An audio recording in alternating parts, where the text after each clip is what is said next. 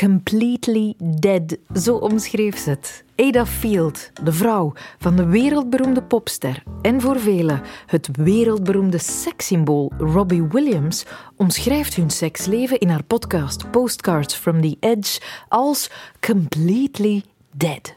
I don't actually remember the last time I went to bed with Rob at the same time. It's crazy, isn't it? Early days, early days when it was Early romantic. days, when it was just just for the romance, just because they knew they were going to get some. Yeah, it was a website. no, not so much. They won't when come up. there was when there was romance, when that happened, yeah, there would be there would be a communal sleeping point just just out of physical need. But now, now that that's completely dead, now that that's gone and been obliterated by four kids, there's really no need to go to bed at the same time. Hun seksleven is obliterated. Dat is niet onopgemerkt gebleven, natuurlijk, die uitspraak. Ah ja, nee, want je verwacht nu veel van Robbie Williams, maar niet dat hij nooit seks heeft. Er zijn een aantal duidelijke oorzaken aan te duiden. Vier kinderen in huis, zei ze net. Een langdurige relatie. En Robbie Williams, die blijkbaar jarenlang testosteron nam tegen depressies, maar omwille van zijn verslavingsgevoeligheid daarmee moest stoppen. En die vervolgens zijn libido zag wegzakken als een kameel in drijfzand. Of zoiets. Maar voor u medelijden krijgt met Robbie of Ada, ze zijn er helemaal oké mee. Want wat dat betreft, op dat gebied, zitten ze on the same page. Wie daar ook helemaal mee oké is, meer dan oké, dat zijn alle seksuologen wereldwijd. Die zijn dolblij dat er eindelijk eens iemand beroemd zich niet als een hete geile sekstijger gaat profileren, maar dat er eens iemand een realistisch geluid vanuit de echtelijke sponde laat horen. Want seks is super tof, zeker dat. Maar daarom niet super evident. Zeker niet als je bijvoorbeeld al lang met je lief samen bent. Dus laat het ons daar eens over hebben. Welkom in de wereld van Sophie.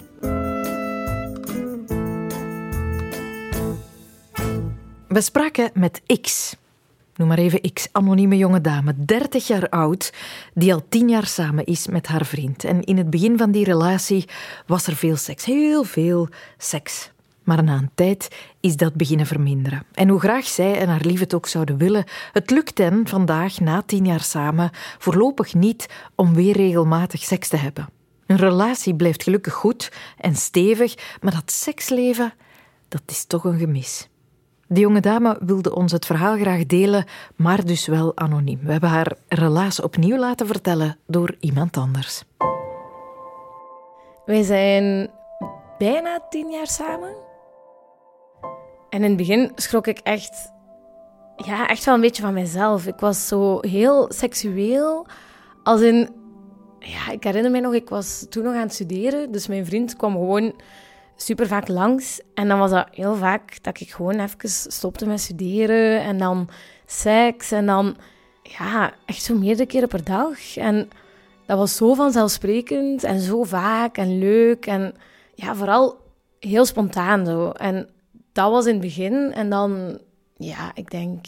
ah, Ik durf daar geen tijd op plakken, maar ik denk na een jaar of zo, anderhalf jaar, is dat verminderd. Ja, tot op een punt dat wij zelfs zeiden van oei, wat is hier aan de hand? En daar ook wel echt een gesprek over hebben gehad van mm, dat is minder. En, en ja, dat dat mij toen ook echt wel verdriet deed en dat ik me daar heel machteloos in voelde eigenlijk.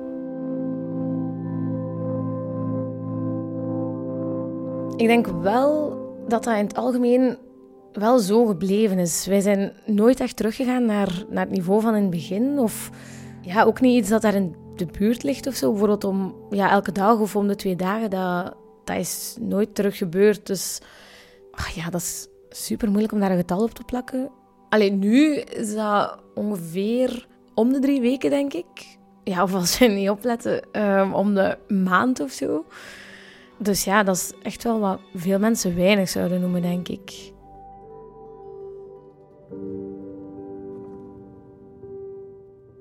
Je hebt ergens toch het gevoel of het idee dat, dat hoe vaak dat je seks hebt, dat dat vooral afhankelijk is van de vrouw of zo in de relatie. Omdat ja, mannen in het algemeen zijn gewoon, ja, of die hebben vaker goesting. En zo het seksueel zijn, dat is bij een man veel vanzelfsprekender. Als je denkt, ja, die worden soms vaak met een erectie wakker, zulke dingen, ja. Waardoor ik me eigenlijk machteloos voelde. Dus ik, ik legde dat dan wel ergens bij mezelf. Ehm, en ik merkte ook wel gewoon dat ik veel minder initieerde. Of dat ik dat, spontaan, veel minder spontaan opzocht. En je wilt dat ergens ook zelf terug. Hè? Je verlangt daar zelf ook naar. Maar ja, dat is, dat is iets super moeilijk om te forceren. Ook hè, seks. Dat, dat is heel ingewikkeld. En, of ja, forceren klinkt ook helemaal fout. Als dat vanzelf komt, is dat heel fijn. Maar als je daar iets zit te forceren, heeft je partner ook gewoon meteen door dat er iets mis is. Of dan wordt dat ook wel iets raar. Terwijl allee, het fijne aan seks is net dat dat heel spontaan gebeurt. Omdat dat net een heel spontaan en ja, ontspannen gegeven is tussen twee mensen.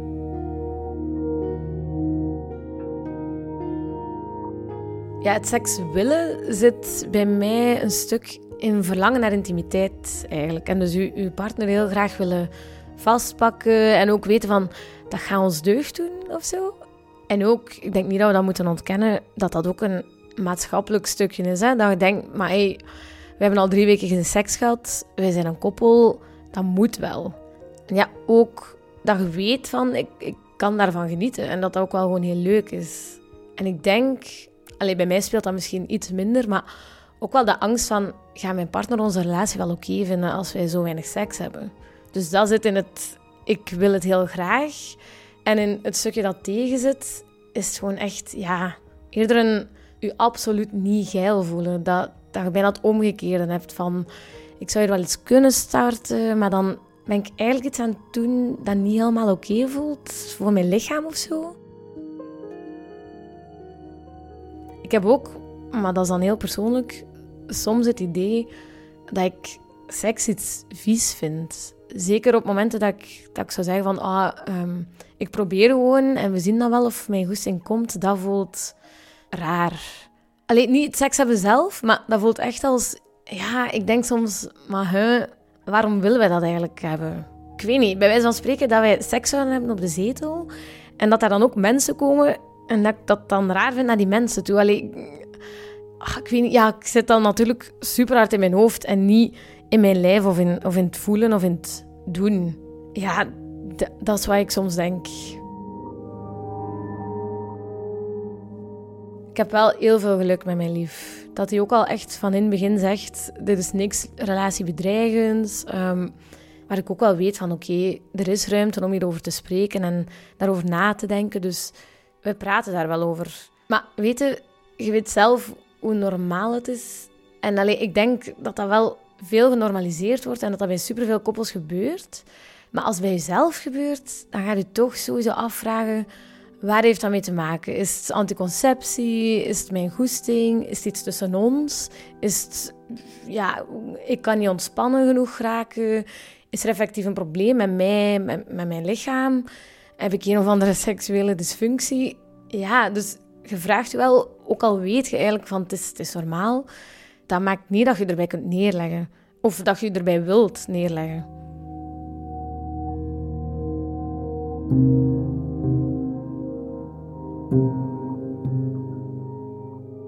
Ik ben iemand die altijd graag goed wil doen voor andere mensen. Dus ik denk ook snel, niet alleen in termen van het is mijn fout, maar ook ik kan er iets aan doen.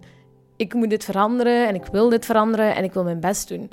En ik weet ook dat seks hebben, en vooral spontaan seks hebben, voor mijn partner super belangrijk is om te voelen van ik ben belangrijk of ik doe ertoe en ze vindt mij nog aantrekkelijk. Zo van die dingen. En als je dat niet kunt geven, ja, dat is, dat is heel lastig. En een paar maanden geleden hebben we nog eens zo'n gesprek gehad van... Ja, we gaan eens kijken of we misschien een seksuoloog of een relatietherapeut kunnen aanschrijven. En ja, dan, dan hebben we iemand gevonden. Ehm, en daar zijn we dan ondertussen twee keer bij geweest. Ja. Ik vind dat super krachtig dat je dat samen met je partner kunt doen. Dat dat niet iets is waar ik naartoe ga en waar ik leer om bijvoorbeeld meer ontspannen te zijn. En dat mijn vriend daar dan de vruchten van plukt. Maar dat hij mij ook effectief hoort spreken en hoort waar ik mee zit en dat ik hem hoor spreken. En ook kan beseffen dat dat voor hem is. En dat je dan van daaruit dat weer meepakt naar huis.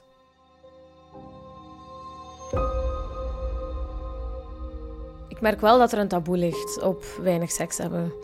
er is altijd een soort van schaamte om daarover te spreken. Ik vind dat niet zozeer met de mensen die dicht bij mij staan, maar je voelt wel al heel snel van... Dit heeft niet alleen met mij te maken, maar ook met mijn partner. Als ik hierover spreek met iemand anders, ja, hoe gaan mensen dan kijken naar mijn partner? Hoe kijken mensen naar mij? Het feit dat dat met je partner te maken heeft, maakt, het, ja, maakt dat veel moeilijker is om daarover te spreken. Omdat je ergens dat wilt bewaken. Dat, dat mensen op een goede manier naar u kijken, naar uw relatie kijken, ja, naar uw lief kijken. Het is niet omdat wij weinig seks hebben dat wij geen goede relatie hebben of dat wij enkel een vriendschap hebben of zo. Want uiteraard doe ik veel meer andere dingen met mijn lief dan dat ik met eender welke vriend zou doen. Hè? Allee, wij, zijn, wij zijn wel heel intiem. Er is nog altijd heel veel knuffelen en, en samen slapen. En ja, heel veel knuffels, kussen, noem maar op. Er is gewoon heel veel genegenheid of zo. En heel veel thuiskomen bij elkaar.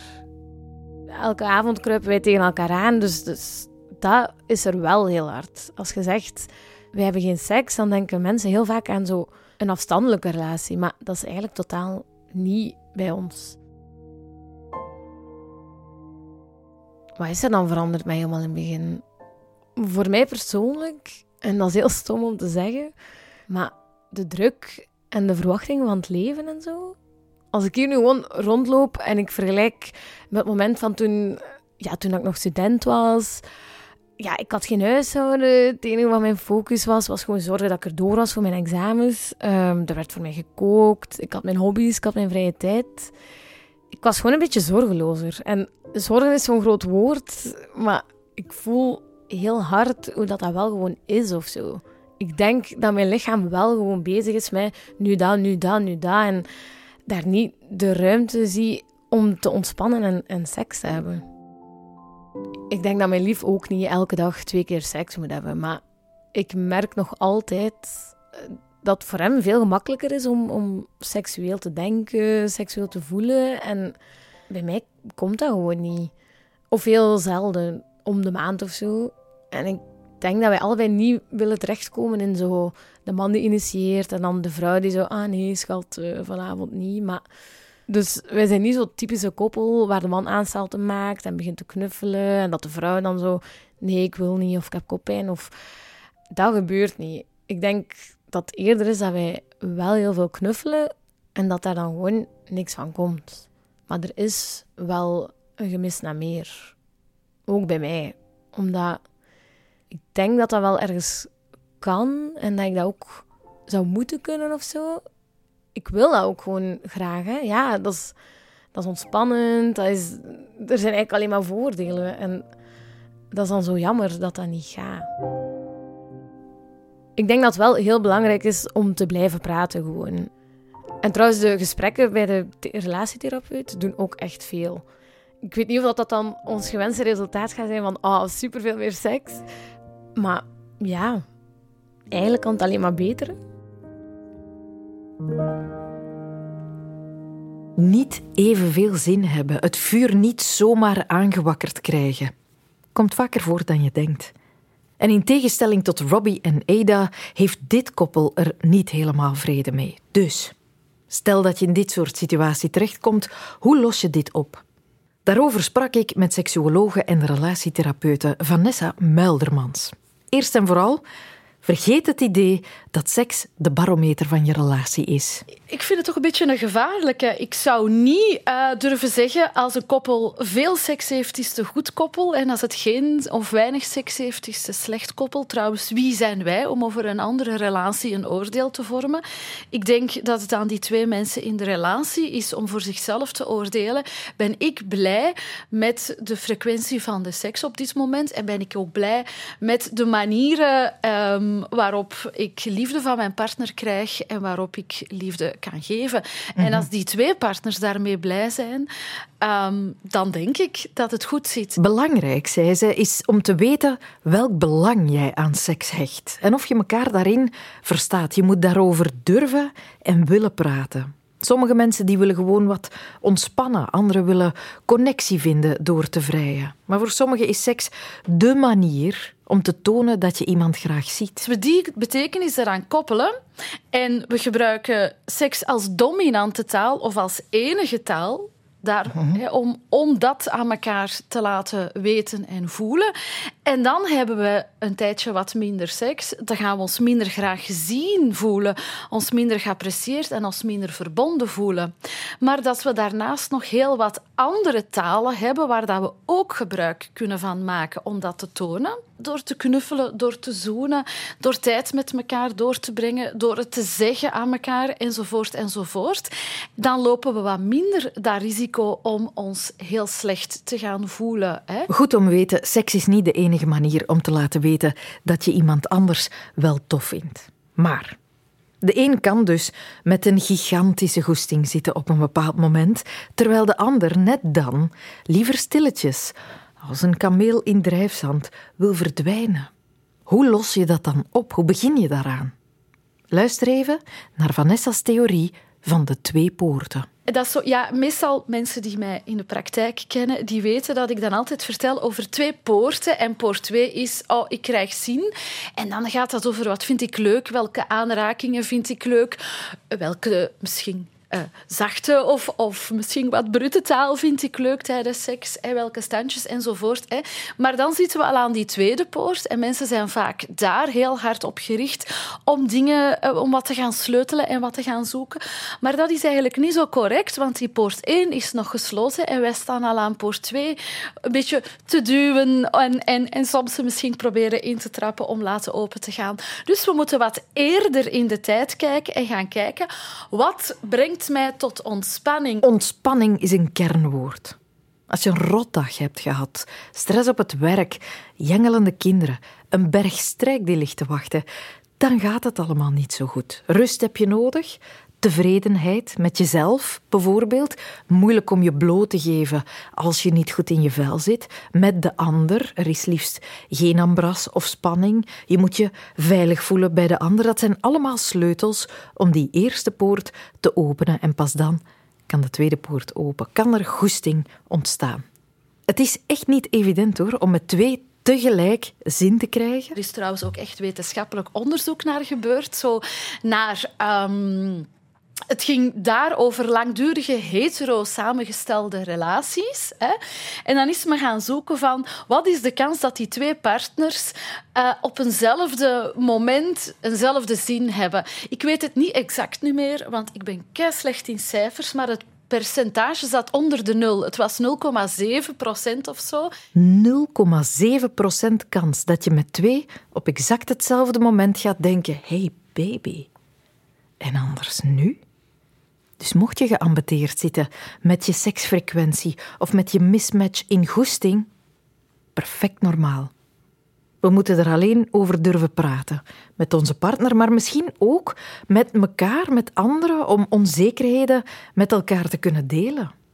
Of doen we dat al gemakkelijk? Dat wilden we even testen. Dus trok reporter Brecht de straat op, stelde hij aan iedereen die hem passeerde de vraag: Excuseer, hoe vaak heeft u seks? Goh. Per week, twee keer, zoiets. En u knikt bevestigend? ik ben een beetje aan het kijken, omdat ik van mening ben dat dat afhangt hoe goed dat je het op die moment hebt met je partner. Dat kan afhankelijk zijn. Je kunt twee jaar met iemand samen zijn en twee keer per week seks hebben. Tien keer met iemand samen zijn en twee keer per week seks hebben. Maar je kunt ook weer een periode hebben dat dat een tijdje mindert. Dat hangt er vanaf hoe dat je jezelf voelt en hoe dat je eigenlijk in relatie met je partner voelt op dat moment. Dus het is geen getal, maar een gevoel? Ja, voor mij is het inderdaad uh, een gevoel. Mevrouw, hoe vaak heeft u seks per week? Per week? Per maand? Maar je wordt ouder en, en je hebt meer aan elkaar. Je verstaat elkaar veel beter.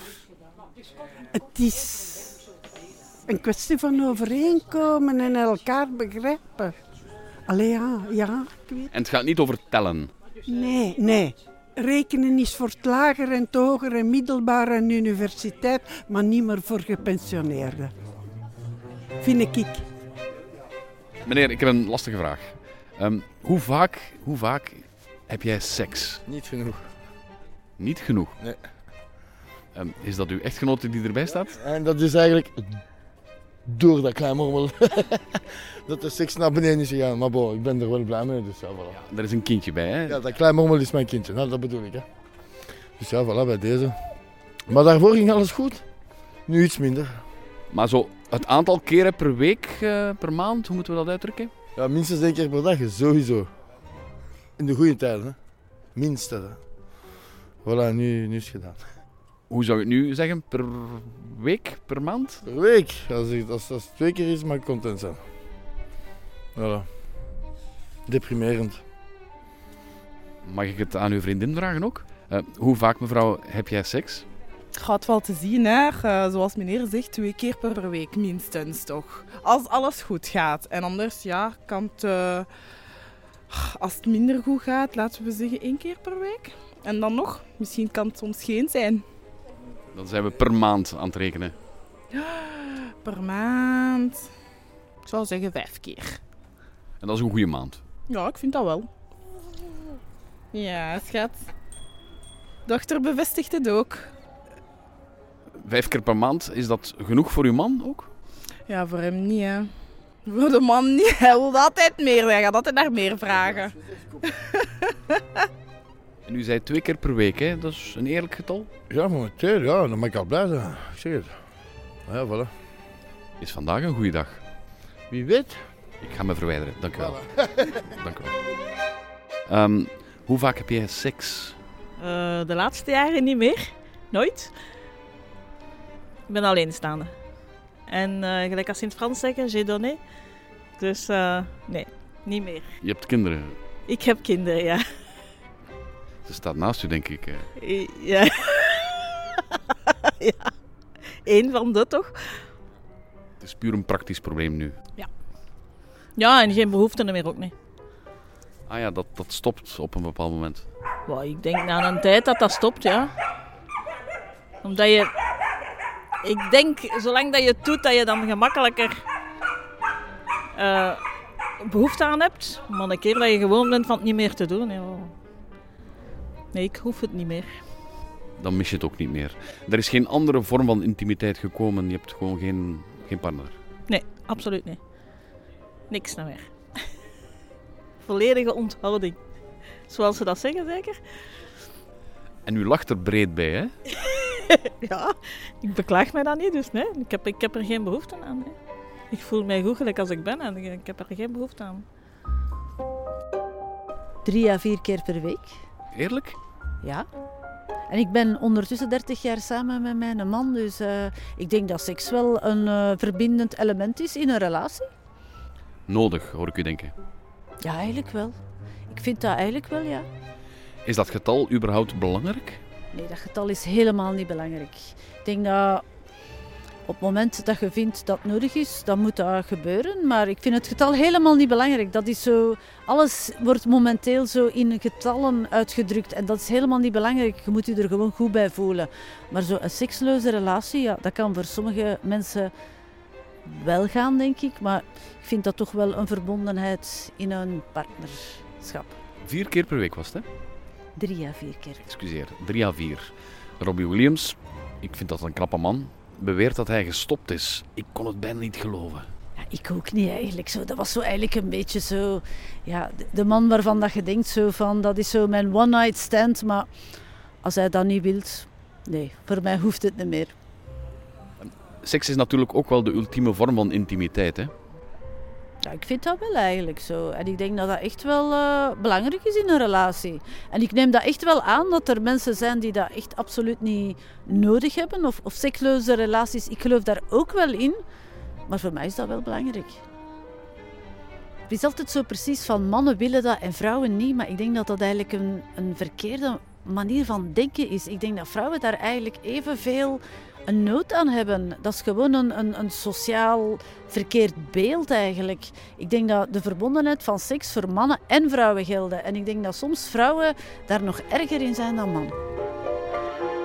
Ehm, het feit dat we niet samen wonen of leven, eh, minder dan we zouden willen. Eh, maar de keren dat we elkaar zien, wat dat twee keer per week is of zo. Eh, ja.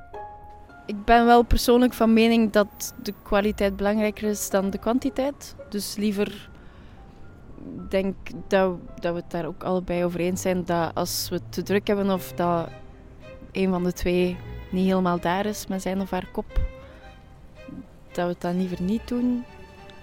Dat als, we, als het gebeurt, dat het wel gewoon echt een moment is. Ja. Dat zou met de leeftijd kunnen minderen, het schijnt. Mhm. Ja, ja, daar twijfel ik niet aan. Ehm, wij, het, is, het is ook een, een, een jonge relatie. Dus dat, dat maakt het ook fijn om elkaar te ontdekken en te voelen. Mag ik u als een iets oudere man voor één ding waarschuwen? Kinderen maken. Eh, wat dat ook begint met seks wel. Ironisch genoeg. Cynisch, ja. Cynisch. dat heb jij gezegd. Het moet niet meer zijn, hoor ik nu denken. Ehm, he- heb je het over de kwantiteit dan? Hmm. Eh, ik vind seks wel een leuk tijdverdrijf, dus het mag altijd wel meer zijn. Maar ja, dat is, dat is misschien gulzigheid die spreekt. Nee, of een vraag om toch samen te gaan wonen, hè? Ah ja. En geen kinderen te maken. Dat was mijn tip, ja. Als het dan toch over mij mag gaan, even om af te sluiten. Drie kinderen is te veel. Dat zou je aan mijn ouders moeten vragen. Radio 1, goeie, goedenavond. Goedenavond. Meneer, hoe vaak heb jij seks? Eh, de ene week kan dat al eens 7 op 7 zijn. De andere week eh, kan het al een keer 1 op 7 zijn. Ja, dat kan ik eh beamen. Eerlijk antwoord. Maar dat is eigenlijk een beetje alles, hè? 1 tot 7. Alhoewel, ja, dat is, nee, dat is, dat is toch vaak, dat is één keer per week minimum. Het hangt echt af van onze planning. Soms hebben wij heel drukke planning, soms hebben we iets minder drukke planning. Maar eh, het hangt echt daarvan af. En dan is 1 tot 7 een mooi gemiddelde. Ik dank u. Ik, ik heb een heel onbescheiden vraag zomaar mogen stellen. Ik vind het tof, merci. Een jonger koppel, hè? En we wonen nog niet samen, hè? Ah ja, ja, het is praktisch puur. Ja, ja, het is een... Ja, ja, ja, allebei nog eh, bij de ouders. Binnenkort gaan we samen wonen. Ja, dat zal midden juli zijn. eh, dan wonen we samen, wie weet. Kan het gemiddelde dan opgetrokken worden. Geniet ervan, van de avond. Dank u wel. Dankjewel, u ook. Maar dat enthousiasme kwam van diep. Fantastisch, die kerel zijn goesting. Maar als je het zo hoort, en dat verbaast mij eigenlijk wel, we zijn redelijk open, hè? Je zou wat anders gehoord hebben mocht je dit soort vragen 50, 60, 70, 80 jaar geleden gesteld hebben. Ze hebben dat gedaan trouwens. Dat was toen onderzoek voor een boek. Sex Before the Sexual Revolution. Een onderzoek naar hoe mensen seksualiteit beleefden voor, in de jaren 60 van de vorige eeuw, alles wat meer losser en losbandiger werd. Het zijn twee Britse historici en die hebben 100 mensen geïnterviewd, zowel mannen als vrouwen, die seksueel actief waren tussen 1918 en de jaren 60. Dit is Tine Klaas, historica aan de KU Leuven, gespecialiseerd in de geschiedenis van seksualiteit. Die vragenlijst die heeft wel wat interessante zaken blootgelegd. Ja, ehm, eigenlijk is het. Allee, want nu, als wij nadenken over seks in die periode voor de seksuele revolutie, bekijken wij dat vaak als iets heel erg negatiefs. hè. Dus we denken dat dat een heel onbevredigende periode was. Maar uit die interviews bleek dat de meeste mensen eigenlijk wel tevreden waren. En dat zij ook in die tijd, zonder dat er ehm, over seks werd gesproken, een zekere vorm van vrijheid ehm, hadden. Ah ja? Omdat zij eigenlijk totaal niet wisten wat andere mensen deden, zeg maar. Ehm, voelden zij ook niet die, die druk van... Ah, ik, ik, ik heb maar één keer per week seks of maar één keer per maand. Is dat wel normaal? Want ze wisten niet wat andere mensen deden. Mhm. Dus ze hebben in die studie ook echt gevraagd naar ehm, seksuele frequentie. En mensen vonden dat een absurde vraag. Dus Ah, zij, ja. ze, vonden dat een, ze konden daar totaal niet op antwoorden. En ze antwoordden ja, eigenlijk van, ja, pff, ik, ik weet dat niet. Dat was ook iets wat heel erg verschilde. Sommige momenten in het huwelijk was er meer seks dan op andere momenten. En dat kwam allemaal heel spontaan. Nu, daar waren natuurlijk ook negatieve aspecten aan. Hè. Ehm, ik wil nu niet zeggen dat vroeger allemaal, allemaal beter was, maar die historici die plaatsen wel enkele ja, kanttekeningen bij onze heel negatieve ehm, ja, waardering van die seks voor de seksuele revolutie. Mhm. Ehm, wat, wat ik ook allee, daar, daar interessant aan vind, hè, is dat seks helemaal niet werd gezien door die mensen als iets wat maakbaar is. Hè, vandaag denken we, ja, seks is in zekere mate maakbaar. Je kunt je technieken verbeteren en zo tot nieuw genot komen. Of Mhm. je kan ehm, ja, bijvoorbeeld de frequentie aanpassen en je seksueel gedrag dus veranderen. Ehm, dat is een manier van denken die zij veel minder hadden. Dus de meeste respondenten in die grote studie begrepen hun libido en hun seksueel gedrag als iets aangeboren, als iets waar ze niets aan konden doen. Mhm. En een goede seksuele relatie kwam er volgens hen vanzelf en was dan gewoon het resultaat van een goede match tussen personen met een gelijkaardige aangeboren seksualiteit. Ja, dat is inderdaad heel interessant. Maar dat is dan wel er stilletjes aan uitgegaan. Op een of andere manier Ja. zijn onze ideeën daarover veranderd. Hoe is dat dan zo gebeurd? Heeft natuurlijk veel te maken met dan net die seksuele revolutie en die seksuele bevrijding. Hè? Mhm. Ehm, nu, er bestond ook zelfs al in de jaren 40 en 50 wetenschappelijk onderzoek, hè, de, de ontwikkeling van de seksuologie als discipline. En daar gebeurden grootschalige enquêtes ook over ehm, ja, bijvoorbeeld de gemiddelde seksuele frequentie. Dus die kennis die ontstaat wel en mensen krijgen dan een idee van oké, wat is nu eigenlijk normaal, om het zo te zeggen? Wat doen de meeste mensen? Ehm, maar met dat seks ook veel meer uit de taboesfeer komt in die seksuele revolutie. Dus komt dan ook in, in vrouwentijdschriften en zo. Zijpelt die kennis ook steeds meer door. Mhm. Dus mensen komen geleidelijk aan te weten wat normaal is. En dat houdt ook in dat je jezelf makkelijker abnormaal kan voelen. Ja, ja, ja. Met de kennis ontstaat de norm. Ja, nu, er waren ook al wel normen natuurlijk in die, in die periode ervoor, maar die waren ehm, anders. Dus niet zo ehm, ja, prestatiegericht als vandaag. Die Mhm. oudere generaties die werden geïnterviewd ook door jongere personen. En zij vonden ook dat hun vragen eigenlijk ehm, getuigden van een omgang met seksualiteit die te prestatiegericht is. Vragen over ehm, had je een orgasme? vonden zij heel gek, omdat dat voor hen niet echt het, het doel was of het belangrijke was aan het seksleven. Ah ja, dat is mega interessant. Dat, ja, Ja. Voor ons is dat inderdaad iets waar je naartoe moet werken. Iets dat erbij hoort, dat je moet zien te bereiken. Maar dat is niet altijd. Men heeft daar niet altijd zo naar gekeken. Nee, dat, dat ja, vandaag denk ik dat wij een taal hebben van, van, van vrijheden en ook een taal van genot en plezier. Vroeger was dat nog veel meer ook een taal van, van plichten, hè? van Mhm. huwelijksplichten. En dat plichtsdenken bekijken wij nu ook als iets heel erg ehm, negatief, omdat wij vandaag ja, eerder vrijheid als iets positiefs zien en plicht als iets negatiefs. Ehm, maar vroeger was dat plichtsdenken ook wel iets wat, ja, wat mensen, of toch de mensen die zijn geïnterviewd voor, voor dat boek, als iets mooi zagen. Hè? Want het was een plicht in het huwelijk om dan te streven naar een, een mooi huwelijk. Een manier om te tonen dat je je huwelijkspartner graag zag. En het eigen plezier was daarbij eigenlijk van ondergeschikt belang. Nu, wat, wat ook wel interessant is, vind ik zelf, ook in, in de periode voor die seksuele revolutie was er wel een zekere seksuele kennis voorhanden. Hè? Dus je Mhm. had wel eh, adviesliteratuur, huwelijkshandboeken waren toen, toen een genre.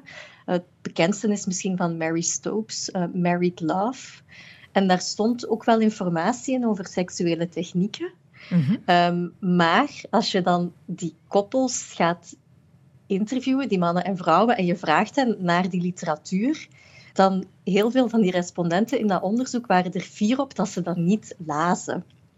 Dus eigenlijk sch- schermden ze zich af van externe kennis, omdat zij vonden dat zij seksualiteit zelf moesten ontdekken in de privésfeer. En dus niet eh, kennis van buitenaf ehm, ja, laten een invloed hebben op, op, ja, op de eigen seksualiteitsbeleving, die veel meer ging over zelf ontdekken, eerder dan echt op zoek gaan naar kennis en dan iets bijleren. Ja, ja. Dus ehm, allee, er staan ook hele leuke anekdotes in, in dat onderzoek. Bijvoorbeeld een man die dan vertelt dat hij wel ergens over een nieuw standje had gelezen, maar dat hij dat niet durfde te proberen bij zijn vrouw, omdat hij dacht ehm, dat zij heel wantrouwig zou worden van waar heb jij dat idee vandaan? Heb jij misschien met iemand gepraat over seksualiteit? En dat Ah, dat dan een- als een soort van inbreuk van de privacy eigenlijk werd gezien als iets wat je dan niet deed, iets wat ongehoord ehm, was. Ja. Wat ik ook heel grappig vind eigenlijk in die studie, hè, om maar te zeggen, mensen wisten totaal niet wat normaal is of wat anderen deden in de slaapkamer. Er zijn voor die studie een honderdtal mensen geïnterviewd en daarvan waren er maar drie die af en toe aan orale seks deden. Hè? Ja. Dus zij waren echt uitzonderlijk, maar die drie mensen dachten wel dat iedereen dat deed. Dus zij wisten eigenlijk niet dat hun eigen seksueel gedrag best vooruitstrevend was. Zij dachten, ah ja, maar iedereen doet dat toch. Ja, ja, ja, Dus dat toont wel van, ja, er was eigenlijk, mensen hadden echt geen flauw benul van wat nu normaal was. En in die zin maakten ze zich ook minder zorgen over, ben ik nu wel ehm, normaal? Ben ik normaal? Doe ik het goed genoeg? Doe ik het genoeg? Ben ik seksueel genoeg? Of ben ik te seksueel? Ben ik een vieze, vuile seksmaniak? Allemaal vragen waar vroeger niemand mee zat. Dus als u zich op een dag zorgen zou maken over uw seksleven, weet in wat voor tijden we leven. Super prestatiegerichte tijden. En weet dat je niet alleen bent. Zelfs Robbie Williams' seksleven is completely dead. De wereld van Sophie.